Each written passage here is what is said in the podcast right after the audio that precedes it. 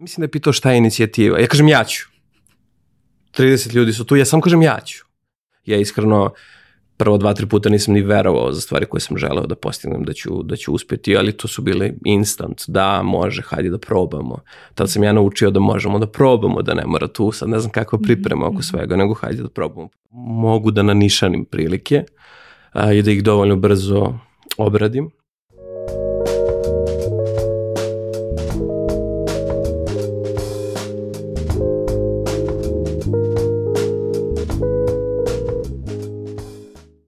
Zdravo, ja sam Aleksandra Petrovski, a vi pratite Fusnota podcast, samo za radoznale. Amiko Fusnote je Culke, globalni provider inovativnih usluga. Hvala im za tu podršku. Vi takođe možete da budete vetar u leđa Fusnoti. Kako da date jednokratnu donaciju na Paypalu, saznajte u opisu ove epizode. U narednih 60 minuta saznaćete kako to dela mladi čovek od akcije.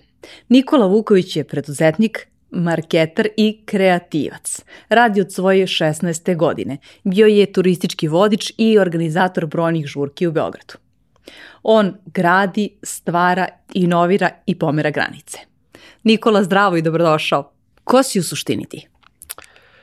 E, dosta sam razmišljao, pogledao sam 16-17 epizoda do sada i e, ne postoji tačan odgovor na ovo pitanje, ali sam odlučio svakako da, da odgovorim na isto. E, ja sam brod, e, a jednom sam pročitao brodovi su najsigurniji u luci, ali nisu za to napravljeni.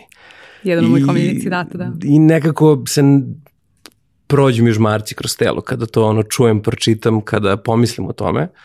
Ovaj, tako da sam onda negde odlučio, ok, ako treba da odgovorim bez titula, bez onoga što je stečeno ili E, zasluženo, onda sam ja brod. Ja sam tebe uh, pozvala u ovaj podcast i uh, rekla sam ja želim da ispričamo tvoju priču kao nekog mladog čeka, ti si najmlađi gost do sada i u ovom podcastu. 94. godište su, evo i, i, i Miloš snimatelj ja znamo šta smo radili, bili smo u školi već uvoliko, znali smo i latinicu i čirilicu i, i tablicu množenja. O, um, 94. si godište, uh, ali hoću da ispričamo tvoju priču ono, jednog mladog čoveka od akcije, pošto čini mi se da, da mnogim ljudima taj korak da, mhm. da, da krenu ka nečemu što, što, što žele, bilo u poslu, bilo u privatnom životu, eh, nedostaje. I mene zanima kako ti zapravo pod jedan vidiš te prilike, a često sada ćemo u narednih sat vremena govoriti o tim prilikama koje si video da jesu s tebe i kreirao ih sam. Kako ti, ti ovaj, vidiš te prilike i dovedeš sebe u situaciju da, da, da one budu ovaj, tvoje prilike. Kakav god da je ishod bio na kraju, ne, ali da budu tvoje prilike. Jasno, ja nisam bio svestan da imam to u sebi. Onda sam negde vremenom kada sam kada sam uhvatio taj obrazac, to ponavljanje, shvatio da zapravo ja imam nešto u sebi, ja mogu da nanišanim prilike a, i da ih dovoljno brzo obradim.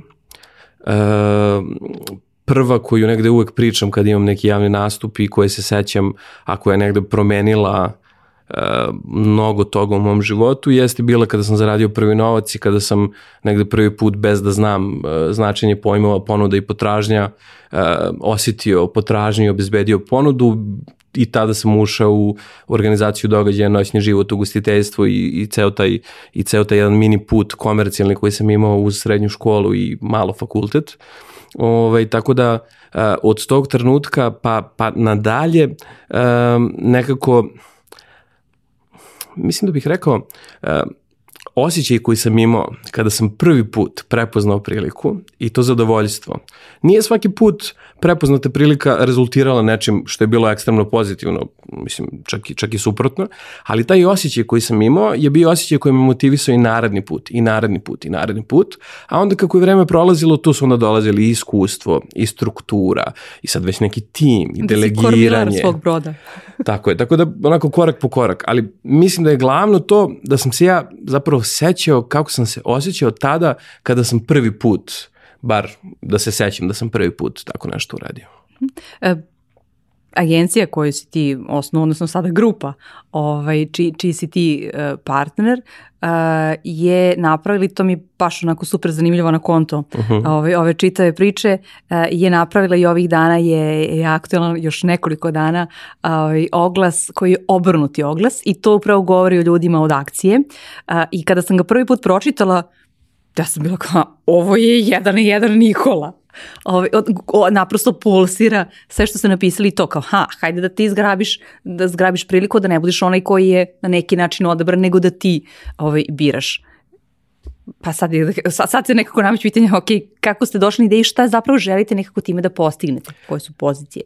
Da, da, da. Mi smo, uh, evo za šest godina i dva meseca od kad je osnovana firma, uh, Uh, uglavnom regrutacije radili spontano na preporuku uh, ili išli onim dužim putem uh, praksa, početna plata i razvoj osobe unutar. Prošlo je nekih 40 ljudi kroz firmu, direktno ili indirektno i negde u posljednje vreme mi imamo potrebu da dovedemo ljude sa tržišta u firmu, ljude sa iskustvom i samim tim smo morali da napravimo drugačiji proces kako to radimo nama se ne dopada mnogo toga standardnog i ustaljenog, ne zato što želimo da budemo drugačiji po svaku cenu i zato što ne želimo da radimo ono što rade drugi, ako postoji standard za nešto, naravno da ćemo raditi tako.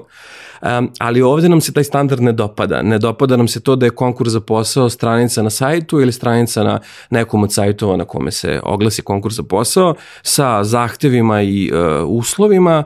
Uh, mi izbacimo neki vizual na društvene mreže, na LinkedIn, ne znam ja gde uh, i uh, očekujemo da se neki ljudi jave i poistovete sa jednim vizualom i sa tekstom koji je u principu svuda isti.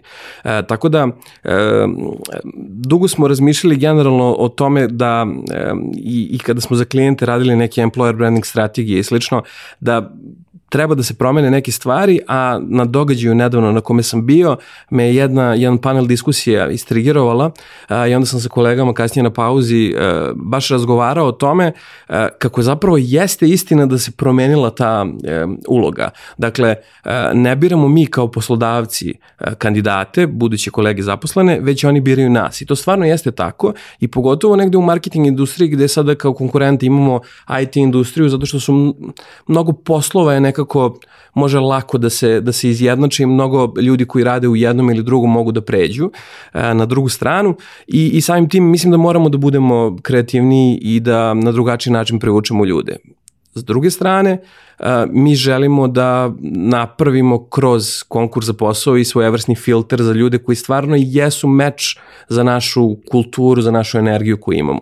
Tako da obrnuti oglas je jedan kreativni izraz nas u firmi, koji ima za cilj da ljudi koji vide, koji osete kada čitaju oni vo kroz S kroz jobs, uđeš i odmah piše kratak tekst i odmah je tu naš CV, motivacijono pismo, motivacijoni video, uradili smo mini simulaciju ulaznog intervjua i pozvali ljude zapravo da nas pozovu na drugi krug razgovora za posao.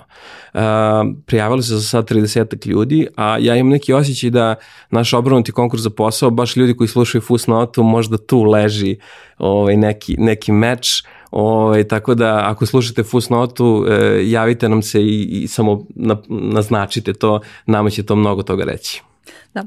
Hvala ti, hvala ti uh, za to i ja nekako verujem da, da ljudi koji, koji prate fusnotu jesu ovi ljudi od akcije koji preduzimaju na prvom mestu, nisu, žele, žele da, da, ovi, da oni budu ti koji, koji biraju e, i sredinu za posao, a to, to je ono prilično a, važno da, da, da znamo kao aha, ok, ja želim da upoznam tog poslodavca jer onda i ja znam da li mogu da doprinesem ovaj, nešto to, toj firmi i baš navijam za to da, da odaberete dobre, ovaj, da, da pronađete ovaj, dobre ljude koji će se uklopiti ovaj, u vašu sredinu. Hvala ti. Vola bih da se sad vratimo, ovaj, uskočili smo, ovo mi je bilo zanimljivo što je aktuelno, naprosto, ali da se vratimo sada, da, da upoznaju tebe kao, kao budućeg ovaj, menadžera, ovaj, rukovodioca, pošto si rekao firma, da ja ispuštujem ovaj, taj, taj rečnik, rukovodioca. Um, kako zapravo a, ti procesuiraš i porazmisliš a, o, ovaj, o nekoj ideji, meni je bilo fascinantno to kada si a, između ostalog ovaj, pričao iz tvoje mladalačke biografije, da si e, ti prišao turističkim agencijama, prilazio kada si još bio srednja škola, odnosno ovaj, početak fakulteta a, i rekao, ha, ja ću da vodim grupe ne samo u Srbiju, nego na stranstvo, to je prilično od, odgovoran i zahtevan na, na prvom mestu posao. Pa ne, mislim, de facto jeste. Meni je nekako to bio naredni korak e, dva puta na kome sam paralelno bio. u toku upravo te srednje škole sam bio i omladinski aktivista i osoba koja se bavio nekim komercijalnim poslom i zarađivao sebe neki džeparac, pa čak i više od toga. Uh, u tim godinama i s obzirom na to da sam bio u organizaciji događaja u ugostiteljstvu i noćnom životu, a sa druge strane u jednoj nacionalnoj organizaciji koja se bavila i zastupala prava srednjoškolaca na, na, na više nivoa, onda sam ja imao i um, ajde da kažem, i osjećaj i iskustvo u segmentu uh, zabave, i e, komercijalizacije iste, a sa druge strane imao sam stotine ljudi koje mi imamo u organizaciji, a koje ni na koji način, pa neću da kažem koristimo, ali ne upošljavamo zarad uh, neke dalje koristi za tu organizaciju. Uh, ja tada nisam znao da postoje neke studentske organizacije koje to vrlo na, na jednom političko razvijenom nivou rade i, i komercijalizuju i to jeste bilo spontano. Tako da da, prišao sam uh, turističkim agencijama, ponudio im projekat, uh, Ja sam realizovao dve godine za redom taj projekat, spontano se zaljubio u turizam zato što sam pre toga imao i mnogo javnih nastupa i priredba i predstava i recitovanja i slično. Ceo taj moj put je nekako išao prirodno da, da sam ja tragao za novim mestima gde mogu da imam javni nastup. Uh, i verovatno i za novim mestima gde mogu da imam neku novu interesantnu odgovornost koju nisam imao do tada. Tako da sam ja otišao u ministarstvo, licencirao se i dve, dve i po godine radio kao turistički vodič, odnosno turistički pratilac je tačnije.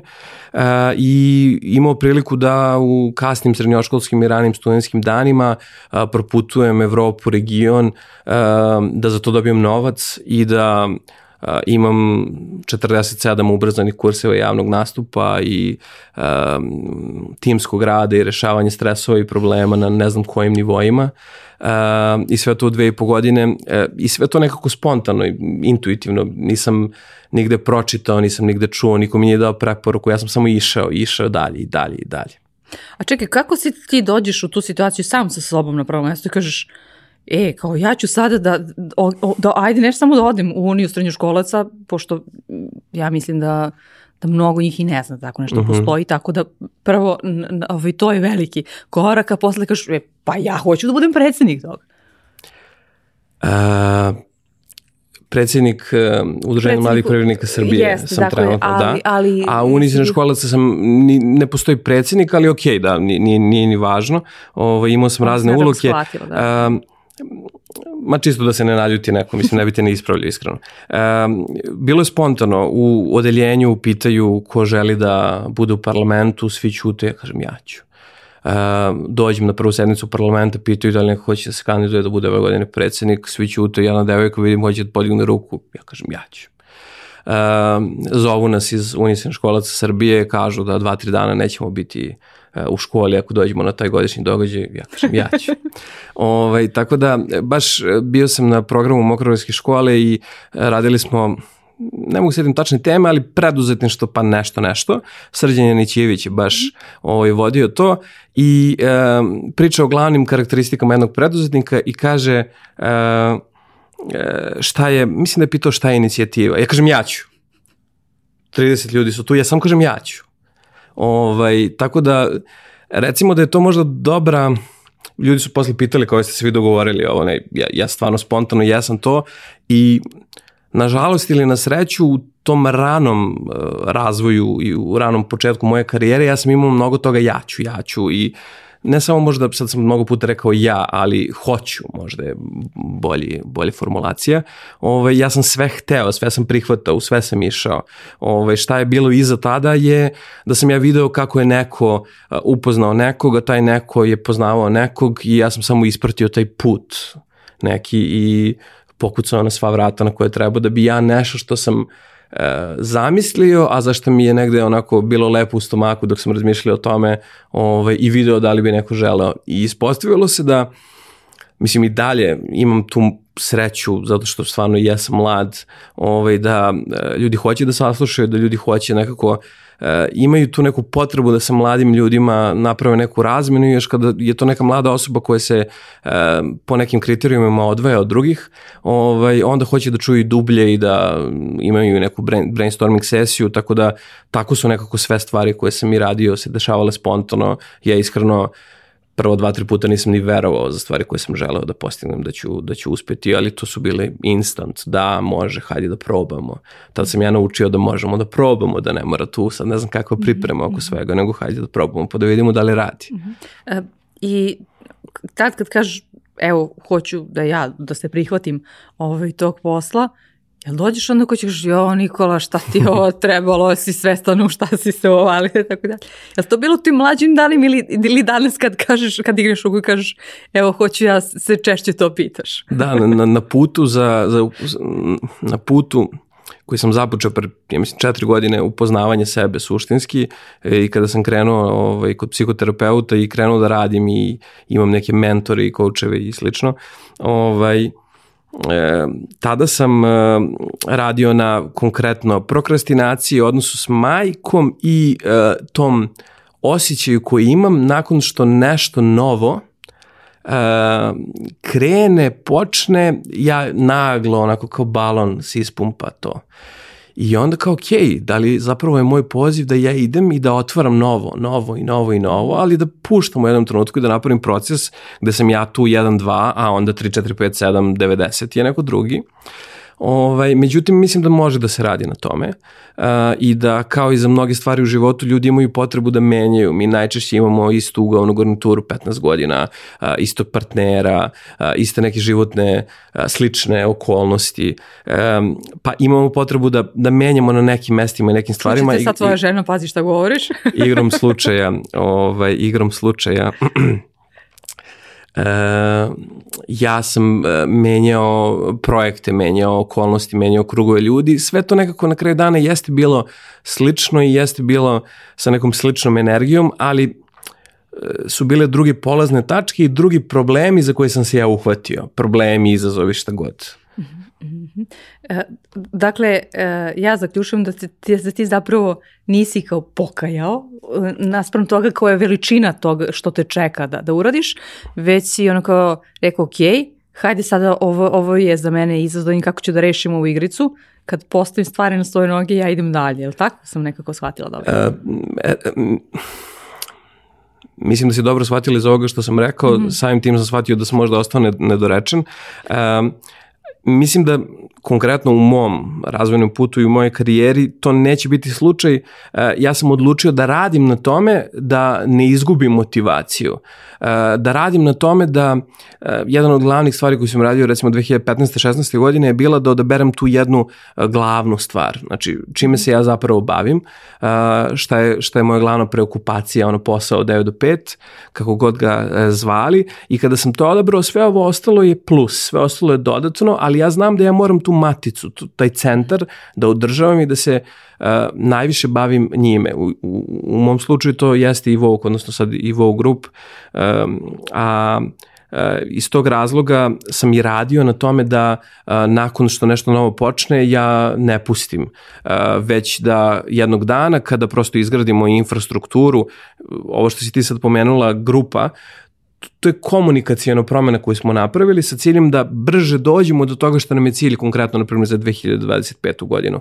Dakle, mi smo četiri tima, pretvorili u četiri organizacijone jedinice, svi oni negde su zajedno, svi sarađuju i dalje, ali idemo u pravcu da te četiri organizacijone jedinice mogu da budu četiri uh, firme, kompanije, četiri entiteta za mhm. sebe, uh, da imaju neki svoj put, neku svoju slobodu, a da i dalje blisko sarađuju zato što jesu nastali pod istim, pod istim krovom. Da. I, koliko sada uh, ti kažeš da i to je važno da, što se kaže, da osvestimo i da kažeš, hej, ok, uh, ja stvarno želim da, da radim na svom fokusu. Um, i na, na održavanju pažnje. E, I kako izgleda taj, taj zapravo proces u tebi? Uh -huh. Šta kažeš kao sebi? Je li imaš ovde kao jednog dobrog Nikolu, jednog lošeg Nikolu zloću? Nikola pa kaže, ej, ajde da radimo sad ovo, ajde idemo sad ovo, ne, sad mi privlači ovo. Pa ovaj dobri Nikola kaže, ne, ali treba da se skoncentrišemo na ovo. Ili si prešao te možda dečije bolesti ili još uvijek, i kako izgleda taj proces? U kom si stadijumu sad? Pa, pa prilično sam siguran da dečije bolesti svima nekako se vraćaju s vremena na vreme. Znaš, ono kao, ne znam, nekome se rodi dete pa dobije. Ovo ovaj, sad samo i metaforički u, u ovom, na, ovom drugom mestu. Ovaj, tako da, e, mislim da ih i dalje ima, bavim se njima e, u smislu da sam otkrio neke alate, neke načine kako mogu da u trenutku kada mi se upali lampica, zastanem, ne uradim nikad korak nazad, nego korak ovaj, sa strane, zašto bismo išli nazad, ovaj, to sam jednom negde ovaj, naučio, pa volim da pominjem. I tad kad uradim korak sa strane, onda ja se zapitam, ok, ne znam sad ako je e, primjera radi, ne znam, ti si me pozvala u neki novi projekat i sad meni zasvetlucaju oči, mnogo mi se dopada, jako bih volao to da radim, ali ja sad odem korak u stranu i postavim sebi neka pitanja. Prosto vidim da li u ovom trenutku i u narednih šest meseci, godinu dana ja imam prostora, vremena, energije i takođe shodno tome šta su moji i lični ciljevi i ciljevi kompanije, da li je to u korelaciji sa time. Ukoliko se desi da jeste, onda tu može da se ide korak dalje. Ukoliko ne, onda se zahvaljujem. Tako da, suštinski, e, baš smo i u obrnuto mogli su to napisali za Evoke, kao baš butik marketing agenciju Evoke za koju e, tražimo kandidate, a mislim da sam na tom putu i ja to naučio, učio sam da kažem ne. Da kažem ne pre svega sebi pa onda i drugima i to ne baš onako iz najbolje moguće namere ne da bih e, te poštedeo i, i, i vremena i energije koju bi potencijalno neko izgubio u tom nekom čekanju e, jer a, ljudi često ukoliko uh, su budni 24 sata dnevno i, i kreću se među ljudima, uh, ima, ima prilika. Da. Uh, I uh, mi time što uh, prokrastiniramo da nekome se izjasnimo, da, uh, da napravimo neki korak, nekome drugom pravimo eventualno uh, neki zastoj u njihovom okay, karijeri i životu. To čak nekako odugovlačenje znači E, hajde da, da razmislim, da utvrdim, svoj, naravno da, da, da, da nije beskonačno, ali da utvrdim da li je, da, da li je to stvarno tako. Ali ja sam se baš na tom putu, mm -hmm. to, pitala si me fokus, pažnja, šta je centar mog delovanja, ovaj, sa tim odugovlačenjem borio. Uh, I nekako, bar ja, odlučio sam da odugovlačenje ok, neko zdravo odugovlačenje, možda i nije odugovlačenje, recimo ono kao dam sebi rok 5 dana da razmislim o nečemu, da, ja to, to je normalno, ali odugovlačenje u smislu, znaš ono, zapišeš pa odložiš za sutra, pa zapišeš neku to-do listu, pa odložiš za narednu nedelju, pa se javiš nekome, pa kažeš neki izgovor, pa shvatiš da možda taj izgovor nije ni tačan. I onda to nije, mislim, sad zavisi prosto e, ko je osoba koja se nalazi u toj situaciji. Ja sam shvatio da to ja nisam i da ja želim da ljudi mene percipiraju kao takvu kakav jesam, iskren, spontan, uh, otvoren, direktan i uh, samim tim baš iz tog razloga sam odlučio da se, da se bavim time i da odugovlačenje ne postoji uh, i uh, skoro sam čuo uh, mnogo gore od uh, vezano za donošenje odluka. Uh, mnogo gore od toga da doneseš lošu odluku je da je ne doneseš uopšte. Tako da sam iz tog razloga nekako odlučio da idem tim putem, pa vidjet ću, mislim, kao i u mnogim stvarima, verovatno ću se opeći negde, ali je bitno da u nekom, nekoj široj slici me to čini bliže mesto na kome želim da budem. E, spomenuo si tu 25. godinu i spomenuo si sada uh, bliže mesto kome, kome želiš uh mhm. -huh. da budeš, a opet vratit ću se i na onu maticu koju si rekao. Uh, moje, zašto, zašto sada sve ove tri stvari spominjem? E, ti si rekao kao, da, a, agencija, odnosno grupa sada, a, je meni glavni fokus. I naspram toga kuda ta, taj brod ja vodim mm. i vozim, sve ostalo prihvatam, ne prihvatam i naspram uh mhm. -huh. strategije koje ima to.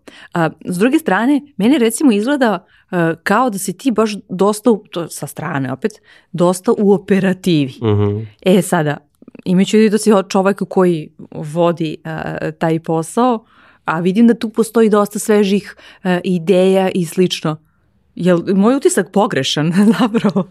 Pa mislim da nije. Mislim da nije, ako ćemo da budemo potpuno iskreni, mislim da, mislim da treba. Mislim da nije utisak pogrešan. Uh, ja mislim da uh, to da pogotovo nakon recimo ne znam 4, 5, 6 godina neke nove mlade firme i pogotovo ukoliko osoba koja se ovaj, našla na tom mestu da to nešto kreira, stvori i vodi zajedno sa svim ljudima koji su tu, e, da je rano da, da neko može da kaže nisam uopšte u operativi. Pogotovo ako uzmemo u obzir da baš moj partner u poslu kaže Mi pričamo komunikacijno da mi postojimo šest godina, ali promene koje smo napravili pre dve godine su promene koje praktično mi smo se ponovo rodili i mi postojimo dve godine.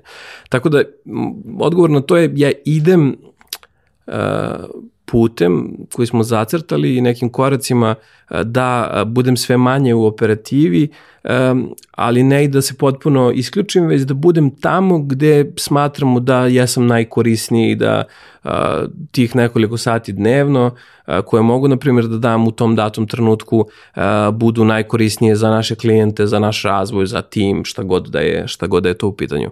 Ovo, ovaj, tako da idemo tim putem, ali mislim da je potrebno mnogo strpljenja i uh, ja nisam neko koje mogu da se pohvali da je imao strpljenja, to možda i jeste e, razlog zašto sam došao u sve ove situacije u kojim sam došao u prethodnih 10-11 godina, ove, ali svakako bavim se time i baš radim na tome da imam više strpljenja, uh, dišem, ove, zato što uh, kada, kada, kada previše letiš ne, nema, uh, nema tog trenutka u kome ti možeš suštinski da uh, izađeš iz te, pa sad, na primjer, u ovom slučaju, ako pričamo baš o poslu operative, ali mislim da to i u privatnom životu postoji i u odnosu sa ljudima.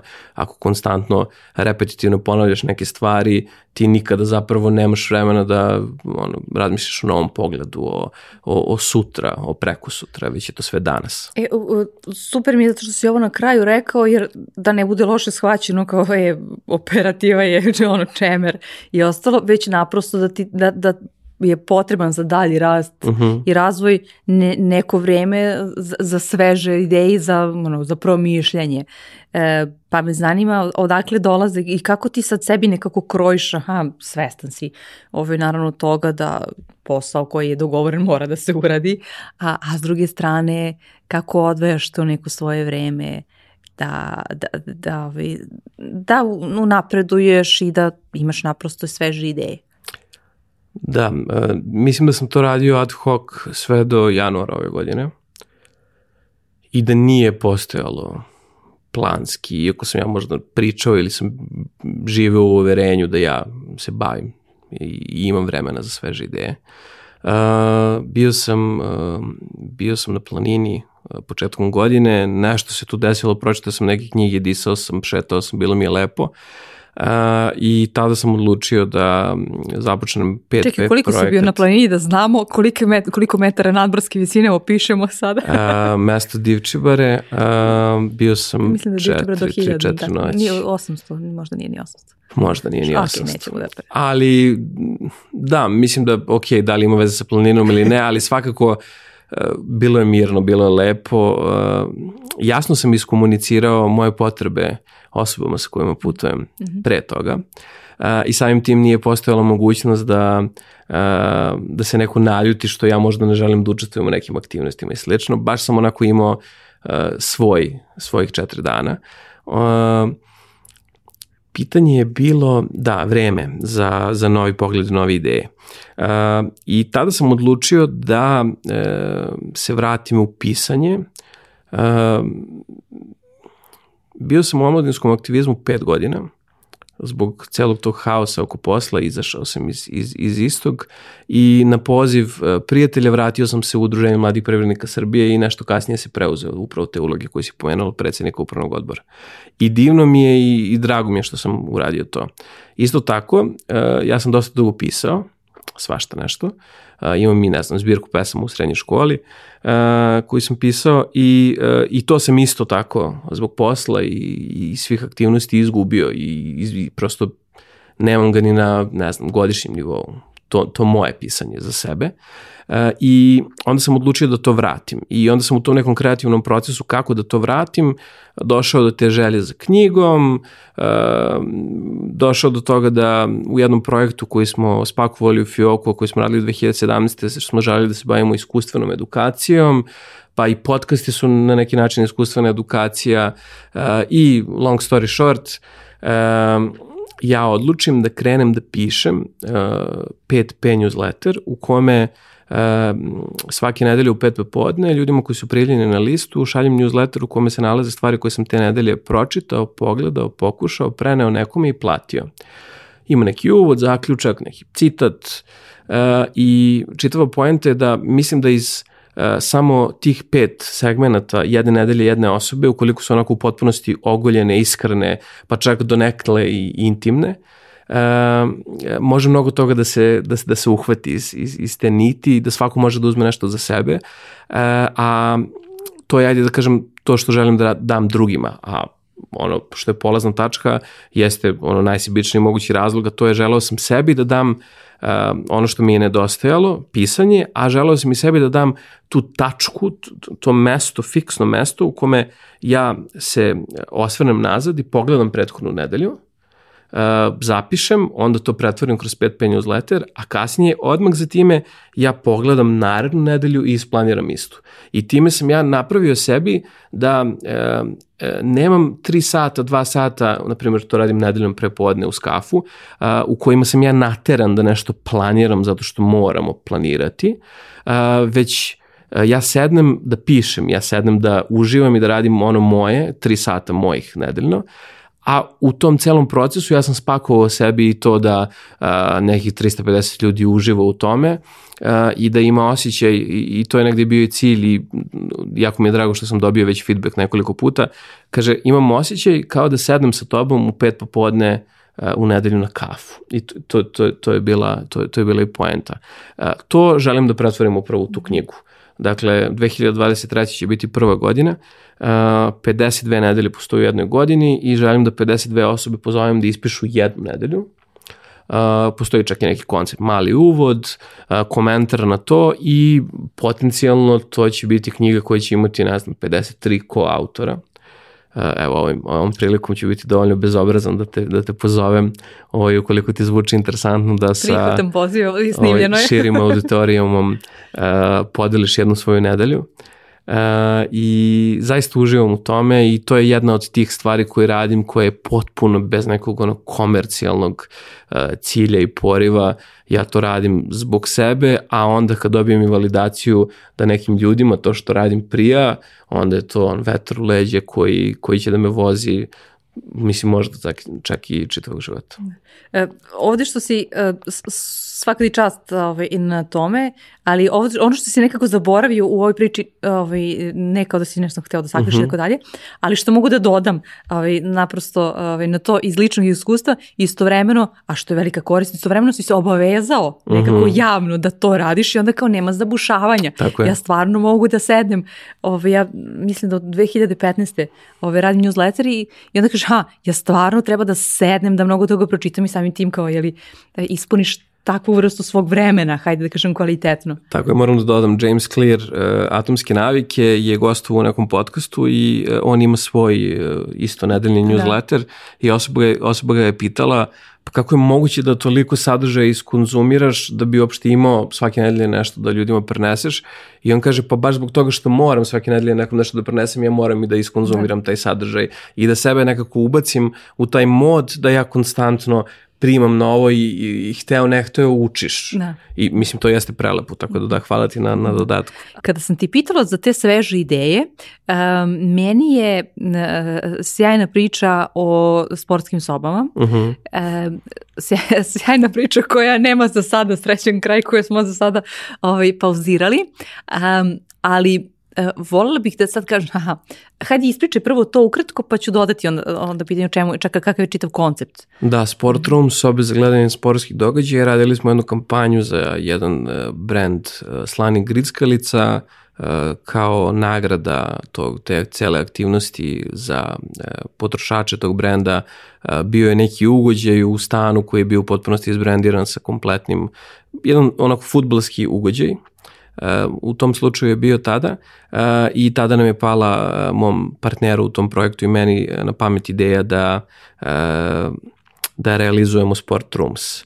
Sport Rooms je postojao od 2018. do 2020. godine do, do, do početka pandemije i to je koncept tri tematske sobe za gledanje sportske događaje koji su u potpunosti u drugačijim ambijentima gde grupe ljudi od, ne znam, tri osobe do deset osoba mogu da dođu, da izname sobu i da imaju all you can eat, all you can drink, ugođaj i gledanje na nekom potpuno drugačijem u potpuno drugačijem ambijentu, na, na primjer, drugim kanalima gde ti, ne znam, možeš, ukoliko si fan engleskog futbola, da pratiš uh, British Sport kanal, da slušaš to komentatora na engleskom jeziku i slično. Sad mislim, cijela ta priča je mnogo šira, ja sam sad potrudio da onako najbrže moguće ispričam, ali nju su prepoznali i sponzori pre nego što je uopšte postojalo lišta, postoji arhitektonski crtež, ovaj, ali nažalost uh, ono što nije postojalo u celom tom projektu u toku te dve godine nije postojala ta jedna full time osoba, ta neka osoba kojima je koji je to primaran posao. Uh, primaran posao u smislu da je to osoba koja je primaran posao da vodi taj biznis. Tako da nas dvojice koji smo uh, Sport Rooms posmatrali kao nešto dodatno, pored naših, naših ovaj, poslova, ovaj, nismo uspeli da uh, da ga dovedemo na mesto na koje je verovatno mogao da dođe, još plus okolnosti, još plus možda naša zemlja, još možda plus lokacija, ciljna grupa, mnogo, mnogo nekih stvari koji su se tu promašile, ovaj, a uradili smo to impulsivno, strast je velika bila za generalno sportom, mi smo to pravili za nas same, a na kraju ni mi sami nismo to konzumirali u toj meri. Uh, i mnogi ljudi se oduševe kada čuju priču i kada vide fotografije, a onda ih ja pitam, pa jel si bio? Zato što moj venčani kum koji gleda četiri puta nedeljno sport uh, u kontinuitetu uh, je bio dva puta u Sport Romsu, na primjer, za dve godine. Tako da i to nešto govori. Um, tako da onako jedna pouka iz celog, celog tog projekta je da uh, zaista danas više nego ikada možemo da istestiramo i da na nekom mini nivou vidimo da li naša ideja, projekat radi pre nego što uđemo u neki dalji korak, u neke ozbiljnije investicije, pa iako je to nešto fizički. Mislim, za da. digitalno je to ovaj, svima već lakše. poznato, mnogo je lakše, ali iako je to nešto fizički, mislim, niko nas nije terao da napravimo tri sobe u isto vreme. E, što se kaže, niste prošli mamin test, uh -huh. A, ovaj, bi, Bibliju za, za svakog ako kreće u novi projekt, ali ono što mene u ovom slučaju e, zanima je, rekao si da, da ste pred sponzore izašli da su oni pri, kupili tu ideju sa jednim ili arhitekt, nekoliko arhitektonskih nacrta. I sad to, a to ti nije prvi put u životu da zapravo uspeš da da kažem, da, da zapališ ljude, pa tako je, da, za, za tu neku ideju koja nije nešto što je obično što su oni već videli, hajde tako da kažem. Da, nije prvi put. Uh, najranija faza kada sam imao tu priliku da prodam sponzorske pakete je bio događaj Belgrade Film Fest na kome sam radio 2014. i 2015. godine. Uh, s tim da je on imao neku već validaciju, postoje pet godina i organizovao se tada u Beogradskoj areni. Um, ovde smo mi imali situaciju gde uh, je bilo potrebno da priđemo onima kojima će to kliknuti nakon dve rečenice. Uh, I onda kada smo radili mini istraživanje, rekli smo, ok, nama su potrebni sponzore Ligi šampiona. Mi smo otišli, pogledali sponzore Ligi šampiona, prišli njima i oni su rekli da. Ovaj, tako da to plus uh, malo, ajde da kažem te neki ono vera u projekat i, i dobre komunikacijone pripreme, u smislu nismo mi došli i rekli njima, ej, planiramo to i to, jel biste vi hteli? Dakle, znamo mi da, da to zapakujemo, a takođe imamo i validaciju iz naših primarnih poslova da stvari koje radimo mi uradimo. Uh, dakle, to su bili ljudi koji su verovali da ćemo mi ispoštovati sve i de facto mi to jesmo i uradili.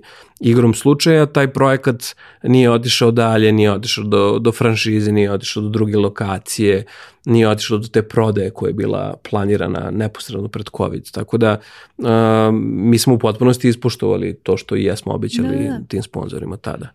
Uh, iskreno ne mogu da setim da, šta je bilo. To je bilo kao, naprosto, uh, ovaj smo slučaj, ovaj smo primjer naveli, ali generalno kao, kako uspeš da da prodaš ljudima uh, svoju ideju, iako ona, ako govorimo i o Fon Festu, uh, u slučaju kada se ti uh, učestvo u organizaciji, trebalo da bude izmešten, da bude 72 sata, da budu nekoliko bina i tako dalje, um, što je opet značajno drugačije u odnosu Jest. na... Ti se onda, ha, kažeš ovako, kao pozivaš se na svoje pređašnje slično iskustvo, na vašu istoriju, uh -huh. što mhm. se kaže na koji god način, uh, i kako sebi obezbeđuješ da ne dođe do, da bude prihvaćeno, ovaj, da ne kažem da ne dođe do, do, do ne.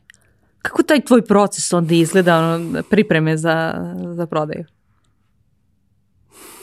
Da, ja, jako interesantno. Mislim da ću se možda ponoviti, pa ću probati nekako da, ono, što ti kažeš, baš da pokušavaš da dođeš do toga šta je iza uh, reči koje ti, koje ti, kažu, koje ti kažu gosti.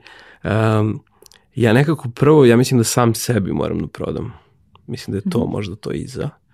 I kada Postoji prodam... velika strast, da, ali da. I kada prodam to mm -hmm. sam sebi, ja imam neverovatno veliku sigurnost da to neko želi i da će to neko prepoznati, tako da je to neki miks uh, uh, dobre pripreme, uh, odmah konkretnih i brojki uh, i ajde da kažem damo za svakog po nešto i za onog koji je, koji je vizualni tip i za onog ko uh, voli da se uhvati za nešto što mu je lična strasta, što možda i nema direktne veze sa onim što je njihova strategija ukoliko pričamo na primjer o sponsorskim paketima, a damo i konkretne očekivane rezultati iz, iz kompletne te aktivnosti. I to plus uz dobru prezentaciju i uz veru da će se to desiti, onda je samo pitanje da li ćemo to uraditi iz prvog ili iz trećeg puta, ali nekako um, do sada mi je praksa pokazala da ne postoji stvar koja ne može da se uradi, ne postoji osoba koju, koja ne može da se upozna i priča koja ne može da se ispriča ili čuje.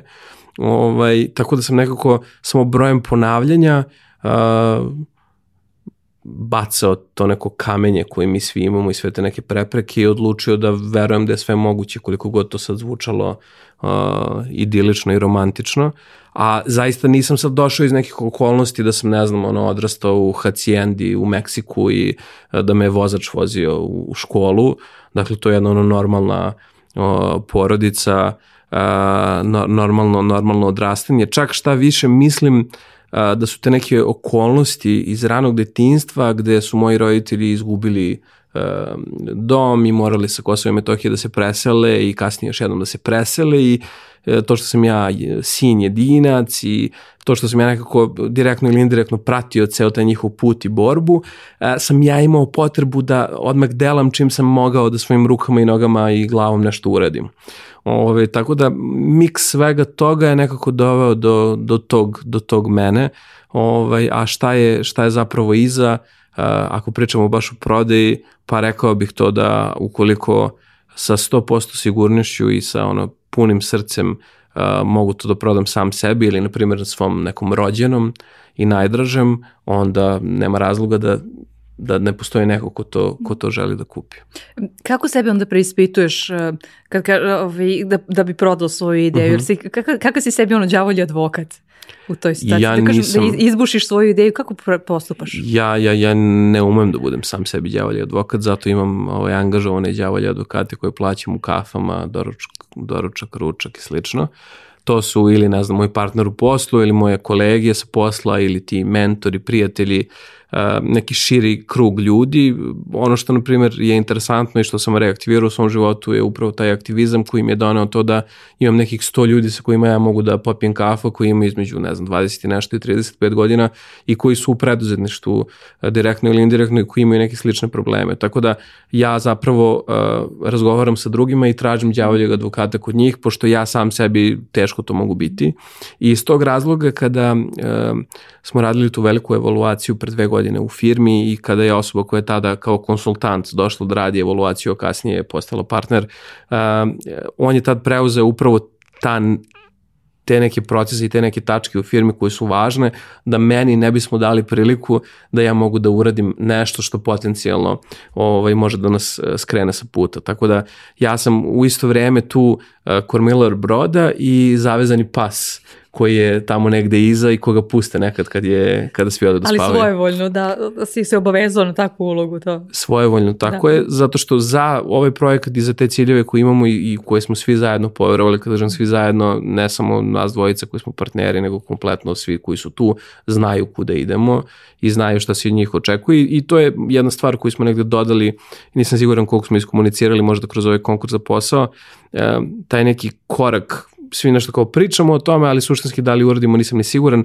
Dakle, mi delegiramo zadatke, ali da li delegiramo odgovornosti i da li onda samim tim delegiramo ljudima to istinsko učestvovanje u, u, u ostvarivanju tih nekih naših zajedničkih ciljeva, a i individualnih ciljeva. Tako da sve to je neki onako zanimljiv, zanimljiv miks, ja sam toga, mnogo toga sad rekao. E, nešto si u prethodnom odgovoru e, rekao što mi je bilo zanimljivo. E, ne postoji osoba ili mesto, ajde, hajde da se zadržimo na osobi, e, ko, sa kojom se ne možeš upoznati, stupiti u kontakt i tako dalje. Ili mesto, mislim da si rekao čak i mesto na koje se ne može stići. Bilo ono ovaj, geografski ili ovaj, hjerarhijski da li ti sada na pamet pada uh, neka ono najluđa situacija uh, za koju si rekao, ok, ovo nema šanse da uradim, teško da će da mi uspe, ali hajde da probam još i ovo a da stignem do, do neke osobe za koju nisi očekivao da ćeš stići ili opet do ostvarenja. Uf, imam jednu, da baš sam istrigirovala sada. Krenuo sam da ispričam za pojačalo podcast, ovo što sam ti pričao pre, ovaj, ali, ali mislim da je ovo mnogo bolja priča, a ima veze isto ovaj, indirektno sa pojačalom ili zapravo direktno. Uh, slušam Dejana Turka mm -hmm. kod Ivana u emisiji uh, i on priča o tome suštinski kroz pričicu eh, je pokazao kako pristupa vaspitanju sobstvene dece.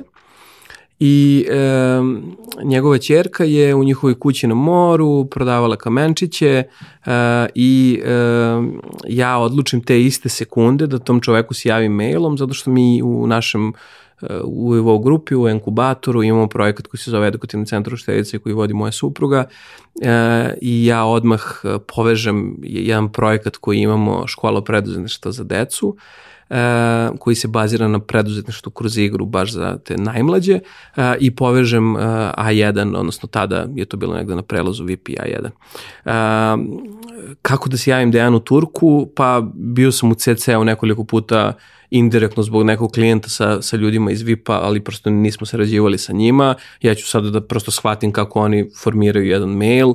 Ja sam odlučio da pošaljem njemu i na VIP i na A1, pošto je prelazni trenutak da ispušten čoveka, da ne bude da nešto se zagubi. Um, u roku od 5 minuta meni zvoni telefon recimo 060 000 110 ja, Ti misliš ja, da ti slove iz inostranstva? To je da ti to, znaš ko ja ne razumem o, šta se dešava.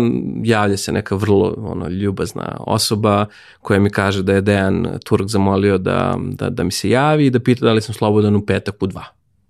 Znaš kao za poziv. I mi stvarno, tre, dva dana kasnije na video pozivu i ja sad njima prezentujem to. E, tako da to jeste bila jedna dosta luda stvar. E, ta smo radili još od kuće čak. Tako da ja bukvalno kod kuće u trenerci, majci, uh, ovdje mi je telefon na stalku, ja slušam podcast i radim nešto dnevno i pet minuta kasnije imam zakazan sastanak sa Dejanom Turkom koji je preko sutra, ovaj, tako da to bi možda bilo nešto što zvuči neverovatno, a uh, nije bilo, ja sam se njemu javio i rekao je slušao sam te, ja sam u subject mailu je bio uh, Kamenčić i Perina, tako se zvao štanc njegove čerke, kao inspiracija i motivacija za svu decu u regionu, na primjer, tako nešto. I onda sam kroz par rečenica To je dobar kopirajterski ugao, odmah si mu stvorio sliku ovaj, šta, šta, je, šta je na kraju tog puta. pa slažem se da malo je rizično, ali mislim da nisam zlopotrebio ipak Dobro, njegovu on, čerku. On to javno rekao, da. više puta ispričao tu priču, tako da na taj način nije privatan razgovor. Tako bio, je, da. tako, tako je. Uh, I, ali i, ovde mi je sad dosta ovaj, zanimljiv i taj moment kao, aha, ti si odmah povezao, i to je ono što sam te na početku pitala, uh mhm. -huh. kao kako da, da ovaj, e, povezuješ gde su to tvoje prilike e, za, da, da, se, da se okušaš u, u ovom slučaju, hajde kažem, u nekom dodatnom dodatnom biznisu u okviru dodatnog biznisa. Uh, imajući u vidu e, da, da, su te, da su te vezali u firmi, šalu na stranu, ali um, kako, kako sada ti uh, spomenuo si učiteljicu koja je praktično nastala uh, u, u vašoj kući, uh, kod tebi, tvoje, tvojoj suprozinoj kući, uh, na početku praktično e, pandemije, je li to na tebi delegira posao ili kako ste se tu organizovali? Na koji način ti učestvuješ u tom? I hajde nam kažeš stvari šta je učiteljica. Da, edukativni centar učiteljica je jedan um, edukativni centar koji se bavi neformalnim obrazovanjem e, dece predškolskog i ranoškolskog uzrasta od prvog do četvrstog razreda i to na neki drugačiji način. Primarno e, to radimo koristići digitalne alate i kanale, ne postoji fizički edukativni centar, a ključne neke reči koje bih pomenuo ovde su učenje kroz igru, personalizovani pristup obrazovanju i to što u trenutku kada su se svi bojali i negde odbijali da prime nove načine kako možemo da primamo neko znanje, edukaciju, šta god, interakciju, uh, smo mi shvatili da možemo to da iskoristimo i da postoji gomilu fenomenalnih i besplatnih i plaćenih, a dosta jeftinih alata i načina kako da jedan nastavnik e, ili učitelj, učiteljica može da napravi jednu fenomenalnu interaktivnu 45-minutnu e, radionicu ili čas e, sa decom, da se deca osete i uključeno, da tu primenimo malo i gamifikaciju, da mnogo toga što jedan nastavnik ili učitelj na početku jednog časa želi da postigne može da se ostvari, ali i da sama deca užestvuju u kreiranju svega toga i onda kada smo shvatili da kada je učitelj pred 30 rođaka i on mora da se prilagodi nekako tom nekom ono srednjem prosečnom nivou znanja i mogućnosti, a ovde kada se radi jedan na jedan ili u grupama do četvoro i još plus ti digitalni alati, još plus mnogo toga kreativnog i interesantnog što radimo, uh, shvatili smo da smo otkrili neku potpuno novu uh, dimenziju i odlučili da, da, da tim putem nastavimo. Uh, dva, tri meseca nakon što je edukativni centar Uštedica krenuo, smo uh, bili pred prvim izazovom i mislim da je tad ceo projekat mogu da sklizne i da, da ode ovaj zauvek u nepovrat. Uh, krenulo je mnogo dobro, bilo je previše upita. I uh, suštinski smo se našli pred izazovom da li sad zapošljavamo masovno neke učiteljice koje bi žele to da rade i već ajde da kažem, nakon dva meseca prepuštamo i kontrolu i proces i kvalitet i postajemo marketplace koji spaja učitelja i roditelja zaključili smo da to ipak nije ovaj put kojim, kojim se krenulo i uh, krenulo je nešto sporije da idemo ka tome da to bude edukativni centar koji pruža usluge, ali sa druge strane i radi na razvoju različitih proizvoda za decu i roditelji i to je baš ova godina nam je godina proizvoda. Radimo, ne znam, e-bukove, knjige, društvene igre, kurseve, priručnike, mnogo toga interesantnog. Uh, a ono što je super je što imamo stotinu dece svake nedelje na časovima i radionicama i sve te stvari mogu negde i u praksi da se uh, i testiraju i um, uključili smo decu u uh, kreiranje određenih proizvoda. Dakle, oni sami praktično će biti koautori nekih dela, nekih knjiga, nekih vežbanki i Jer imate tu ciljnu grupu pred sobom, da. Tako je. E, pitala si me kako smo se tu organizovali. E, inkubator je jedna od organizacijenih jedinica Ivo grupe, to je inkubator naših internih projekata, jedan od njih je edukativni centar učiteljica i svaki projekat u inkubatoru ima svog menadžera projekta. Sonja jeste to, a samim tim onda ona ima mogućnost da koristi sve ostale resurse u ostalim organizacijom jedinicama i osobe koje su samo u edukativnom centru učiteljica i na taj način smo organizovani. Ja konkretno najviše uh, u tom nekom ono prodajnom delu zato što uh, se trudimo da uh, u što više kompanije kao benefite implementiramo i ubacimo zapravo usluge koje, koje nudi edukativni centar učiteljica jer to je onaj korak dublje. Uh, ti zaposlenom ne daš nešto fizički ili mu ne daš, ne znam, voucher za kuglanje ili team building, ti mu daš da se neko u neko vreme koje će on imati za sebe bavi njegovim detetom na kvalitetan način i samim tim indirektno ulažeš u buduć, budućnost e, njega i njegove porodice i klijenti koji su se tu negde prvi ovaj, prepoznali i uhvatili su i dalje tu i, i to mi je negde i motivacija da na što više mesta napravimo taj korak. Sporije je, uh, sporije nego da se sad oglašavamo kontinuirano i da smo otvoreno, otvoreno mesto za sve, ali mislim da dugoročno gledano je to, to pravi put konkretno za ovaj projekat. E, kako si, uh, ispričao si nam donekle onako, kako si prešao uh, taj put iz, do onog Nikole, ma sve mi daj, ovaj, do, do ovog Nikole koji ovo imamo planirano za ovu godinu i tako dalje. Ali reci nam kako ti na, suštinski na dnevnom nivou funkcionišeš. Mm -hmm. Jer, ok, imamo mi tu širu sliku i sve to, ali mi treba da obezbedimo da, da stignemo do toga što smo zacrtali, ovaj, spomenuo si uh, atomske navike, ono, 1% dnevno i tako dalje. Kako funkcionišeš na dnevnom nivou?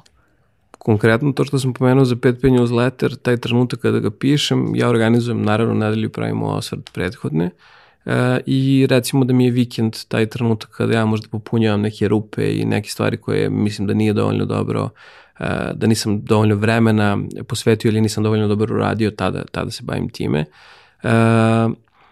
Kako se organizujem, pa najčešće koristim taj time blocking u smislu blokiram određene slotove u kalendaru, na primjer, ne znam, od 10 do 12 utorak, utorak četvrtak, subota za nešto. Uh, to mi se pokazalo kao jedino što radi uh, i uvek dajem, dajem prostor uh, nisam došao do nivoa, čak ni ne mislim da treba uh, imati organizaciju koja je u potpunosti neagilna, Dakle, ja dajem prostor u svakom danu da se desi neka greška i nešto neplanirano, a ako ne postoji, tada mogu da radim na nečemu lepom, na nečemu novom, na nekom ovaj, razvijenju, ali uh, nije dovoljno da ostavimo mogućnost da radimo na nečemu lepom i nečemu novom ako se desi, već mislim da moramo unapred da isplaniramo. Uh, tako da kada sam shvatio da sam dosta u prethodnih šest godina uh, ja bio moja karijera i moj, moj biznis, uh, sam prvo odlučio da to uradim u firmi, a da onda indirektno uh, budem i ja organizovaniji i da onda imamo privatno samo dodam na to. Tako da ne znam, ono, dnevni sastanci, nedeljni sastanci, menadžeri imaju sa svojim timovima jedan na jedan sastanke. Uh, imamo mnogo tih mini formata koji su neformalni i koji nam pomažu da konstantno budemo usinkovani pored sad nekih procesa i alata koje koristimo to nama trenutno funkcioniše i napravljeno je da može da funkcioniše i da smo pet puta veći od ovoga, a ne planiramo da budemo. Uh -huh. Kako sad, mi smo dosta pričali uh, o tvom poslu i prepliče se onako nekako tvoje uh mhm. -huh. lično zadovoljstvo, interesovanje i slično uh, kroz to, uh, ali kako sada pronalaziš i, i, i vremena, je li to isto staviš he kao utorak i četvrtak vreme za sport i razonodu ili... Pa, na Kako primjer... postupaš sa time opet da bi ljubomorno nekako čuvao i, i to svoje dodatno slobodno vrijeme? Ja mislim da de facto ja sam u prethodnih 11 godina žrtvovao mnogo tog uh, privatnog uh, i da je to ostavilo negde posledice, negde nije, upravo na to. Prijateljstva, na to što sam se, ne znam, ugojio 25 kg od kad sam prestao da treniram odviku, a u to vreme sam upravo i uh, počeo i sve ovo što sam pričao. Ovo, ovaj, tako da ostavilo je to posledice i baš mislim da sam zapravo rekao super stvar malo čas. Uh, zbog toga kako ja funkcionišem, morao sam prvo da se da organizujem firmu da bi mogao da onda organizujem i sebe. Tako da sam ja od uh, decembra meseca ubacio, na primer, uh, dva termina za, za sport uh, nedeljno što nisam imao, ma ne kontinuirano, nego praktično ako sam imao 10 puta za, za 8 godina od kad sam prestao da se bavim sportom. Uh, iskubio sam misao. E, e, imaš mnogo manje, odnosno trpelo su tvoje prijateljstva i ta dodatne aktivnosti i tako dalje, sada pokušavaš da vratiš. Tako odnosno je. Odnosno da nekako formalizuješ to. Da, ne po svaku cenu da formalizujem, ali da, na primjer, ne znam, e, baš Sonja i supruga i ja se trudimo da odvojimo neke konkretne blokove i neke konkretne dane u nedelji, na primjer, za neke aktivnosti koje su za nas ili za psa. Uh, Tako da malo po malo implementiram i te stvari, ali mislim gledam i dalje da budem spontan i da, ne znam, sad sutra ujutru idem sa prijateljem u 8.15 ujutru na kafu, uh, nemamo drugi način da se, da se organizujemo, motivisani smo da se vidimo, tako da ovaj, mislim da na kraju dana jeste moguće sve što, sve što želiš ovaj, samo je potrebno da možda nekad ono legnemo da spavamo ranije ili da malo promenimo uh, dinamiku i obrasi ponašanja. Meni je zvučalo neverovatno da ja u 7 ujutru budem u kancelariji, pa sad jesam tu i to je možda jedna od najboljih odluka koje sam donao. E, to vreme onda posvećuješ uradno kao ham fokusiran neki rad kao od 7 do 9 dok ne dođu ostale kolege, je li tako? Tako je, tako je, tako je. Čak imam, čak imam nekim nedeljama ovaj, zakazane neke pozive koji su fiksni i repetitivni ili neke radnje koji su fiksni i repetitivni baš od 7 do 9. Um, I uh, taj period od 7 do 9 mi daje neki kontinuitet. Ja za, zapravo svaki put počinjem sa nekim kontinuitetom. Mm. Ovaj, a i takođe i tu pristupom agilno. Primjera radi uh, prekjuče sam od 7 do 8 iako je rezervisano za nešto drugo, rezervisao da sedem, skuvam kafu, uh, uzmem doručak i prelistavam uh, fusnote podcaste i malo... Da se pripremiš, to je dobro, hvala, cenim. Da se malo, ajde da kažem, u cijel ovaj ambijent i atmosferu i sve te fenomenalne ljude koji su bile, ovaj, uklopim i da, da se osjećam kao da ja idem tu preko sutra, na primjer. Tako da, ovaj, mislim da je to bitno, ali svakako da, radio sam nešto na sebi, uh, i uh, to jeste neko moje vreme koje, koje imam, a koje nekad, ajde da kažem, pozemim i drugima. E, vratit ću te samo na, na jedan odgovor, ali na, naslanja se na ovo što si sada pričao, ali ko je to uh, okidač bio kada si ti rekao, ha, spomenuo si da, da imaš razne ljude i, i mentore i mm -hmm. psihoterapeuta i tako dalje.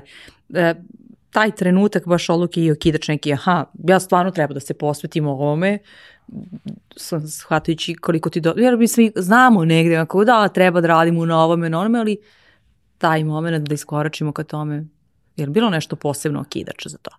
Pa, pa da mi vidimo ovakvog Nikolu. I, da. ja, ja, ja sam se 13 godina bavio sportom, odbikom sve vreme i uh, tu sam naučio malo i uh, malo i o strpljenju i malo o tome da nekako poraz nije toliko loša stvar i um, Mislim da konkretno u mom slučaju, apropo toga, sam ja mnogo, mnogo amortizovao stvari. Znači ja sam mnogo primio i mnogo sam a, prožvakao i prošlo mnogo kroz moj želudac. I tek nakon mnogo, mnogo, mnogo situacija u kojima je već mogli, mogli pre da krenem da se radi, a, sam ja odlučio a, i mislim da tad nije bilo ništa sad kao nešto veliko i konkretno, samo mnogo mini kuglice koje su prošle kroz jednu rupu i na kraju napravile da ako dođe sledeće, to je kraj. Sazrela ta odluka u tebi nekako, da? Ili je, ili je plaša se, rekla, ili je da. plaša da dopunila prelepo, se. Prelepo si to rekla, možda je sazrela ta odluka u tebi ovaj, super stvar i onda sam odlučio da zapravo uh, se iskreno otvorim ka nekome koji je potpuno sa strane, koji je potpuno objektivan, da mi pomogne da, ajde da kažem, upravo time čime si ti baviš postavljanjem pitanja dođem do nekih zaključaka. E, sada, sada se opet i nadovezuje sledeće, koja je to tvoja veština ili osobina ili ono što si naučio um, je doprinilo da ti danas budiš baš ovakav Nikola sa kojim ja razgovaram? Na prvu bi svako, verovatno, ko me poznaje i ja bi rekao kreativnost, ali to jeste malo onako abstraktno. Uh, um, mislim da jako čudan će ovo biti odgovor, e, je nestrpljenje, a sa druge strane strpljenje to što je doprinalo da budem to ko sam danas. Nestrpljenje zato što sam tada pravio neke poteze e, koji možda nisu bili racionalni ljudima u mom okruženju i za taj trenutak i vreme i mesto u, u, u svemiru i prostoru. Uh, a e, strpljenje zato što sam kasnije iz svih tih ponavljanja naučio da za neke stvari treba. Tako da upravo ostavljam prostor da budem nestrpljiv i dalje i mislim da možemo biti nestrpljivi sve dok e, negde ne dođemo u neke godine kada nam se menjaju okolnosti i menjaju prioriteti. Konkretno meni je na mom ovaj, razvojnom putu u širnom smislu to trenutak kada budem ovaj, postao otac. Ne kažem da ću tad uh, prestati da budem preduzetnik daleko od toga, ali da ću negde drugačije samo pristupati. Uh, e, a to strpljenje koje sam ubacio je značilo i za posao, i za kolegi, i za sve što radim, i za neki ono opšti utisak o, o, o meni, a sutra će mi sigurno značiti i u privatnom životu, konkretno baš u toj ulozi koju, koju najviše znači iščekujem. Znači mnogo. E, hvala ti Nikola na ovom razgovoru. Kao uspomenu na gostovanje ovoj Fusnoti, e, Krojačeva škola i ja ti poklanjamo godinu dana e, pristupa online platformi za učenje za, za odrasle. Hvala. Tako da znam da, da voliš da radiš na sebi, ovaj, pronaći ćeš sigurno nešto gde ćeš dodatno da rastiš i razvijaš se. Hvala vama koji ste pratili ovu epizodu. Pišite nam u komentarima šta vam je to ostavilo najjači utisak i bacite pogled na, na oglas, a nadam se da ćete se i prijaviti. Zdravo! Da, ba, da, ba, da, ba, da,